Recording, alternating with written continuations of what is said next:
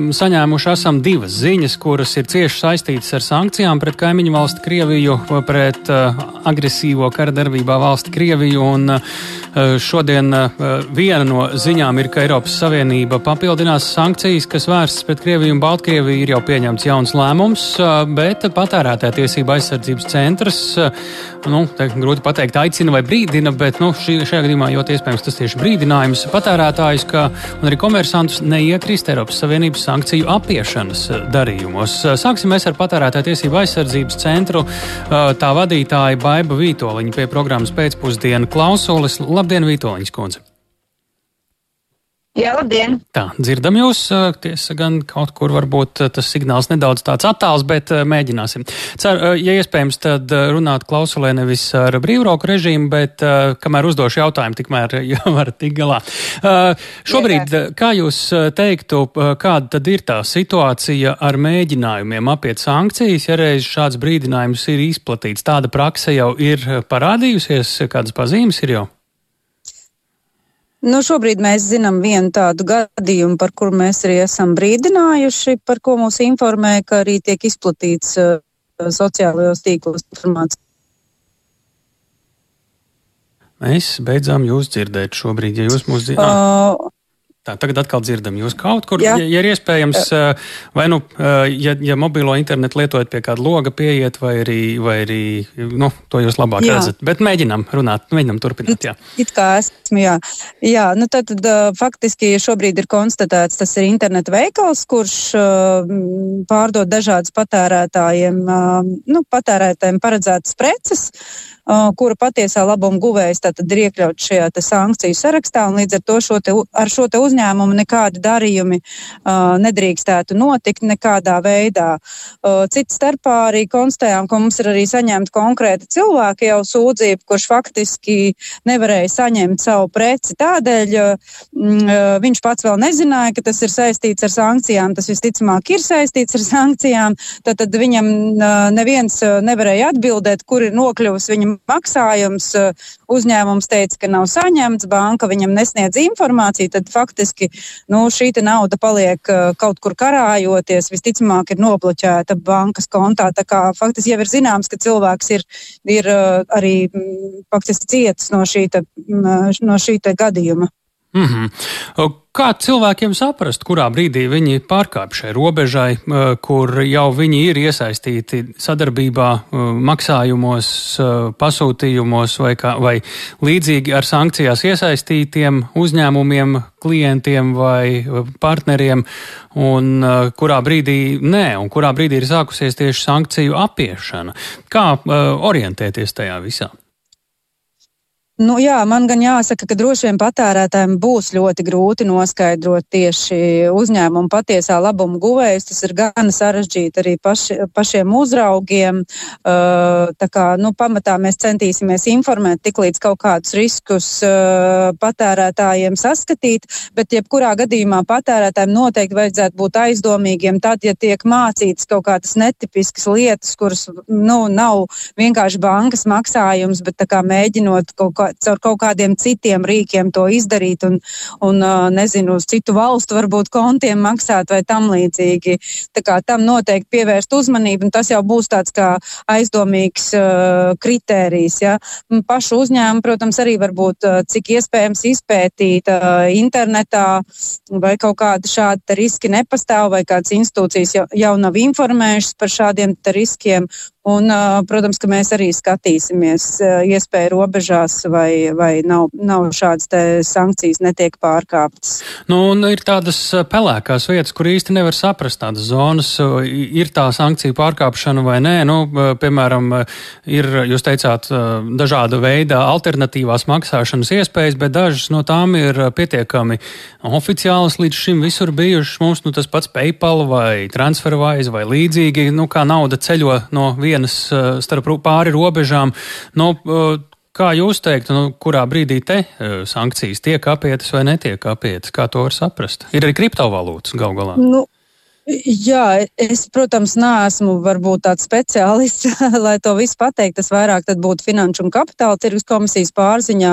Bet es domāju, ka cilvēks to var pamanīt no tā, ka, teiksim, tiek mainīts tieši tas veids. Un es domāju, ka pārkāpj sankcijas, protams, arī attiecīgi iespējams šie uzņēmumi, kas nodrošina šādu darbību. Tā kā mēs ceram, protams, ka nu, pakāpeniski visi tie uzņēmumi sapratīs, ka tā darbība ir aizliegta, ieviesīs varbūt labākas sistēmas, lai konstatētu, ka tie ir sankcionētie uzņēmumi un, uh, un tādas darbības nepieļaus arī visi tie pārējie iesaistītie maksājuma pakalpojumu sniedzēji. Nu, tur uzņēmumiem vai tas varbūt būtu kaut kādā ziņā pat valsts vai Eiropas Savienības pienākums uh, gādāt, lai cilvēki zina kaut kādas datu bāzes vai tam līdzīgi? Šobrīd droši vien, ka nav tādas. Uh, nu, Ir jau datu bāzes, kur var meklēt sankcionētās personas, var arī atrast patiesā labuma guvējus, bet tas ir diezgan sarežģīti. Es domāju, cilvēkiem sagaidīt, ka pat paši patērētāji visi meklēs visās datu bāzēs, ir diezgan sarežģīti. Pat uzņēmumiem tas ir gana sarežģīti, bet tas viennozīmīgi uzņēmumiem ir pienākums pārbaudīt savus darījumu partnerus un neizpildīt darījumus ar sankcionētiem uzņēmumiem. Par to ir paredzēta arī krimināla atbildība. Tas ir ļoti nopietni, nopietns tāds komersantu uzdevums tam sekot šobrīd līdzi. Un bez krimināla atbildības uh, jūs jau uh, pieminējāt pāris vārdos, kādi ir tie riski. Nauda var aiziet zudumā, vai tā visticamāk vienkārši tiks nobloķēta un pēc kāda laika atgriezta, preces var nesaņemt. Kas nu, ir tās sēkas patērētājiem? Jā. Nu, es teiktu, patērētājiem šajā gadījumā tās sekas varētu būt tādas, ka to preci viņš nesaņem, ja nauda iegājusi kontā, kurš ir nobloķēts bankā, tad tā nauda tur nobloķēta arī paliek. Um, nu, Protams, var mēģināt prasīt no uzņēmuma šo naudu atmaksāt ar īpašu finanšu kapitāla tirgus komisijas atļauju. Es nezinu, vai šajos visos individuālajos gadījumos tas tiks darīts un cik ātrā laikā. Mēs šobrīd strādājam ar vienu turismu pakalpojumu uzņēmumu, kurā, kuram iespējams šādas atļaujas atmaksāt cilvēkiem tiks dotas, jo tur ir īpašs, īpašs regulējums. Bet, nu, vai par katru darījumu tas tiks atļauts, man ir grūti teikt. Tas tad ir jāskatās, kāda tā situācija būs. Uh, nu, tur mums tad jāmācās vēl visiem ir jā. Būs, jā. Uh, un pavisam īsi vēl, jā. kur vērsties, ja cilvēki piefiksē, ka te kaut kas nav kā parasti un varētu būt sankciju apiešanas gadījums. Nu, es teiktu, ka pamatā visticamāk tad droši vien būs finanšu kapitāla tirgus komisija, jo tas būs saistīts ar dažādiem maksājumiem vai tam līdzīgām lietām, bet ja tas ir uh, arī, nu, teiksim, kāds internetu veikals, kur cilvēks ir pamanījis, ka tas ir, ka ir kāds patiesā labuma guvējs ar sankciju sarakstā, tad noteikti var vērsties arī uh, pie mums patērētā tiesība aizsardzības centrā. Mēs arī tad attiecīgi skatīsimies, kā varam, nu, kā varam ietekmēt to procesu. Paldies par sarunu. To mēs sakām Vaibai Vītoliņai, patērētāja tiesība aizsardzības centra uh, vadītājai. Programmā pēcpusdiena mēs uh, šobrīd uh, pievēršamies citam stāstam. Te runa ir par uh, jaunām sankcijām, kuras uh, šobrīd jau Eiropas Savienība ir izsludinājusi. Un te ir stāsts par, uh, nu, tūdaļ mēģināsim tā īsumā rezumēt 160 privātpersonas, jeb oligārhi Krievijas federācijas arī tāda domas locekļi parlamentā, tad arī Baltkrievijas banku sektors, jūras navigācijas tehnoloģiju eksports uz Krieviju un arī kripto nozare ir iesaistīta šajā visā. Ko tas varētu nozīmēt? Pie mūsu otrs klausulas ir finansists Girts Rungainis. Labdien, Rungaiņkungs! Labdien! Nu, šobrīd tās ir vēl jaunas papildu sankcijas, tām, kuras jau pietiekami un ļoti smagas ir ieviestas. Eh, šīs, ko nozīmē? Tie, tie, tie bija galvenie punkti īsumā, rezumējot tie virsrakstu līmenī. Tikai kā jūs tulkojat, cik būtisks ir šis nākamais solis, cik smags? Um, man, man izskatās, ka tas ir uh, papildinājums, kas faktiski kā, novērš caurumus un trūkumus un varbūt to, kas nebija nosakts uh, sākotnējā paketē. Uh, un, uh, nu, piemēram, par kriptovalūtām tas ir tā kā paskaidrojums vienkārši, ka tas attiecas arī uz kriptovalūtām. Un tas cilvēku lokus ir paplašināts droši vien ar cilvēkiem, kuriem tur, var, kur tikpat labi tur varēja būt jau no pirmā brīža. Un tā kā šobrīd noteikti, protams, neviens negatavojās tādas sankcijas ievies. Sankciju ieviešana notika ļoti sasteigtā režīmā, ņemot vērā to, to uh, ne, ne, to, ka uzbrukums bija negaidīts un neviens, kas saka, vismaz no civilied, civilējiem cilvēkiem negaidīja, ka tas notiks. Uh, ne Eiropas Savienībā, uh, nekur citur. Un uh, līdz ar to, uh, protams, ka šobrīd ir, ir iestājas jaunā realitāte, un jaunajā realitātē, tātad, uh, lai sasniegtu šos mērķus, ir uh, tiek pieņemt lēmumi, tāpēc tam tiek saprasts, kā šos lēmumus var viegli salīdzinoši apiet, vai kādi vēl ir palikuši nenosēkti jautājumi vai kas vēl, vēl ir aizmirsts, un, un, un tā kā tāda papildinājuma droši vien būs vēl. Šeit, es neteiktu, ka tā ir jā. kaut kāda tālāka eskalācija. Mm -hmm. nu, šeit mēs redzam arī Baltkrievijas banku sektoru. Baltkrievija ir bijis arī pietiekami ciešs tirzniecības partneris arī uh, Latvijai, un uh, šajā gadījumā uh, tas nozīmē ko? Nu, Baltkrievijas ekonomika jau uh, līdz šim ir bijusi pietiekami uh, aizmugurē soļojoši, ja tā varētu diplomātiski teikt. Šis, nu, visi jau skaļi runā pārsvarā šobrīd par Krieviju, kāds trieciens tās ekonomikai tas ir.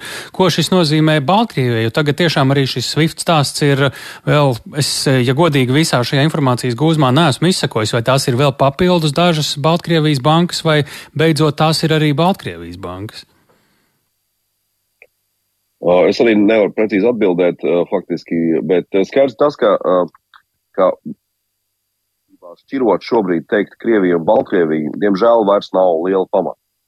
Jo Baltkrievija ir pilnīgs, tā teikt, bez gribas un atšķirības Krievijas satelīts, kurš nav un, un visticamākais netiks inkorporēts, jo viņš tomēr ir ievērojami zemāk dzīves līmeni, bet kurš militāri ir pilnīgi inkorporēts Krievijas sistēmā.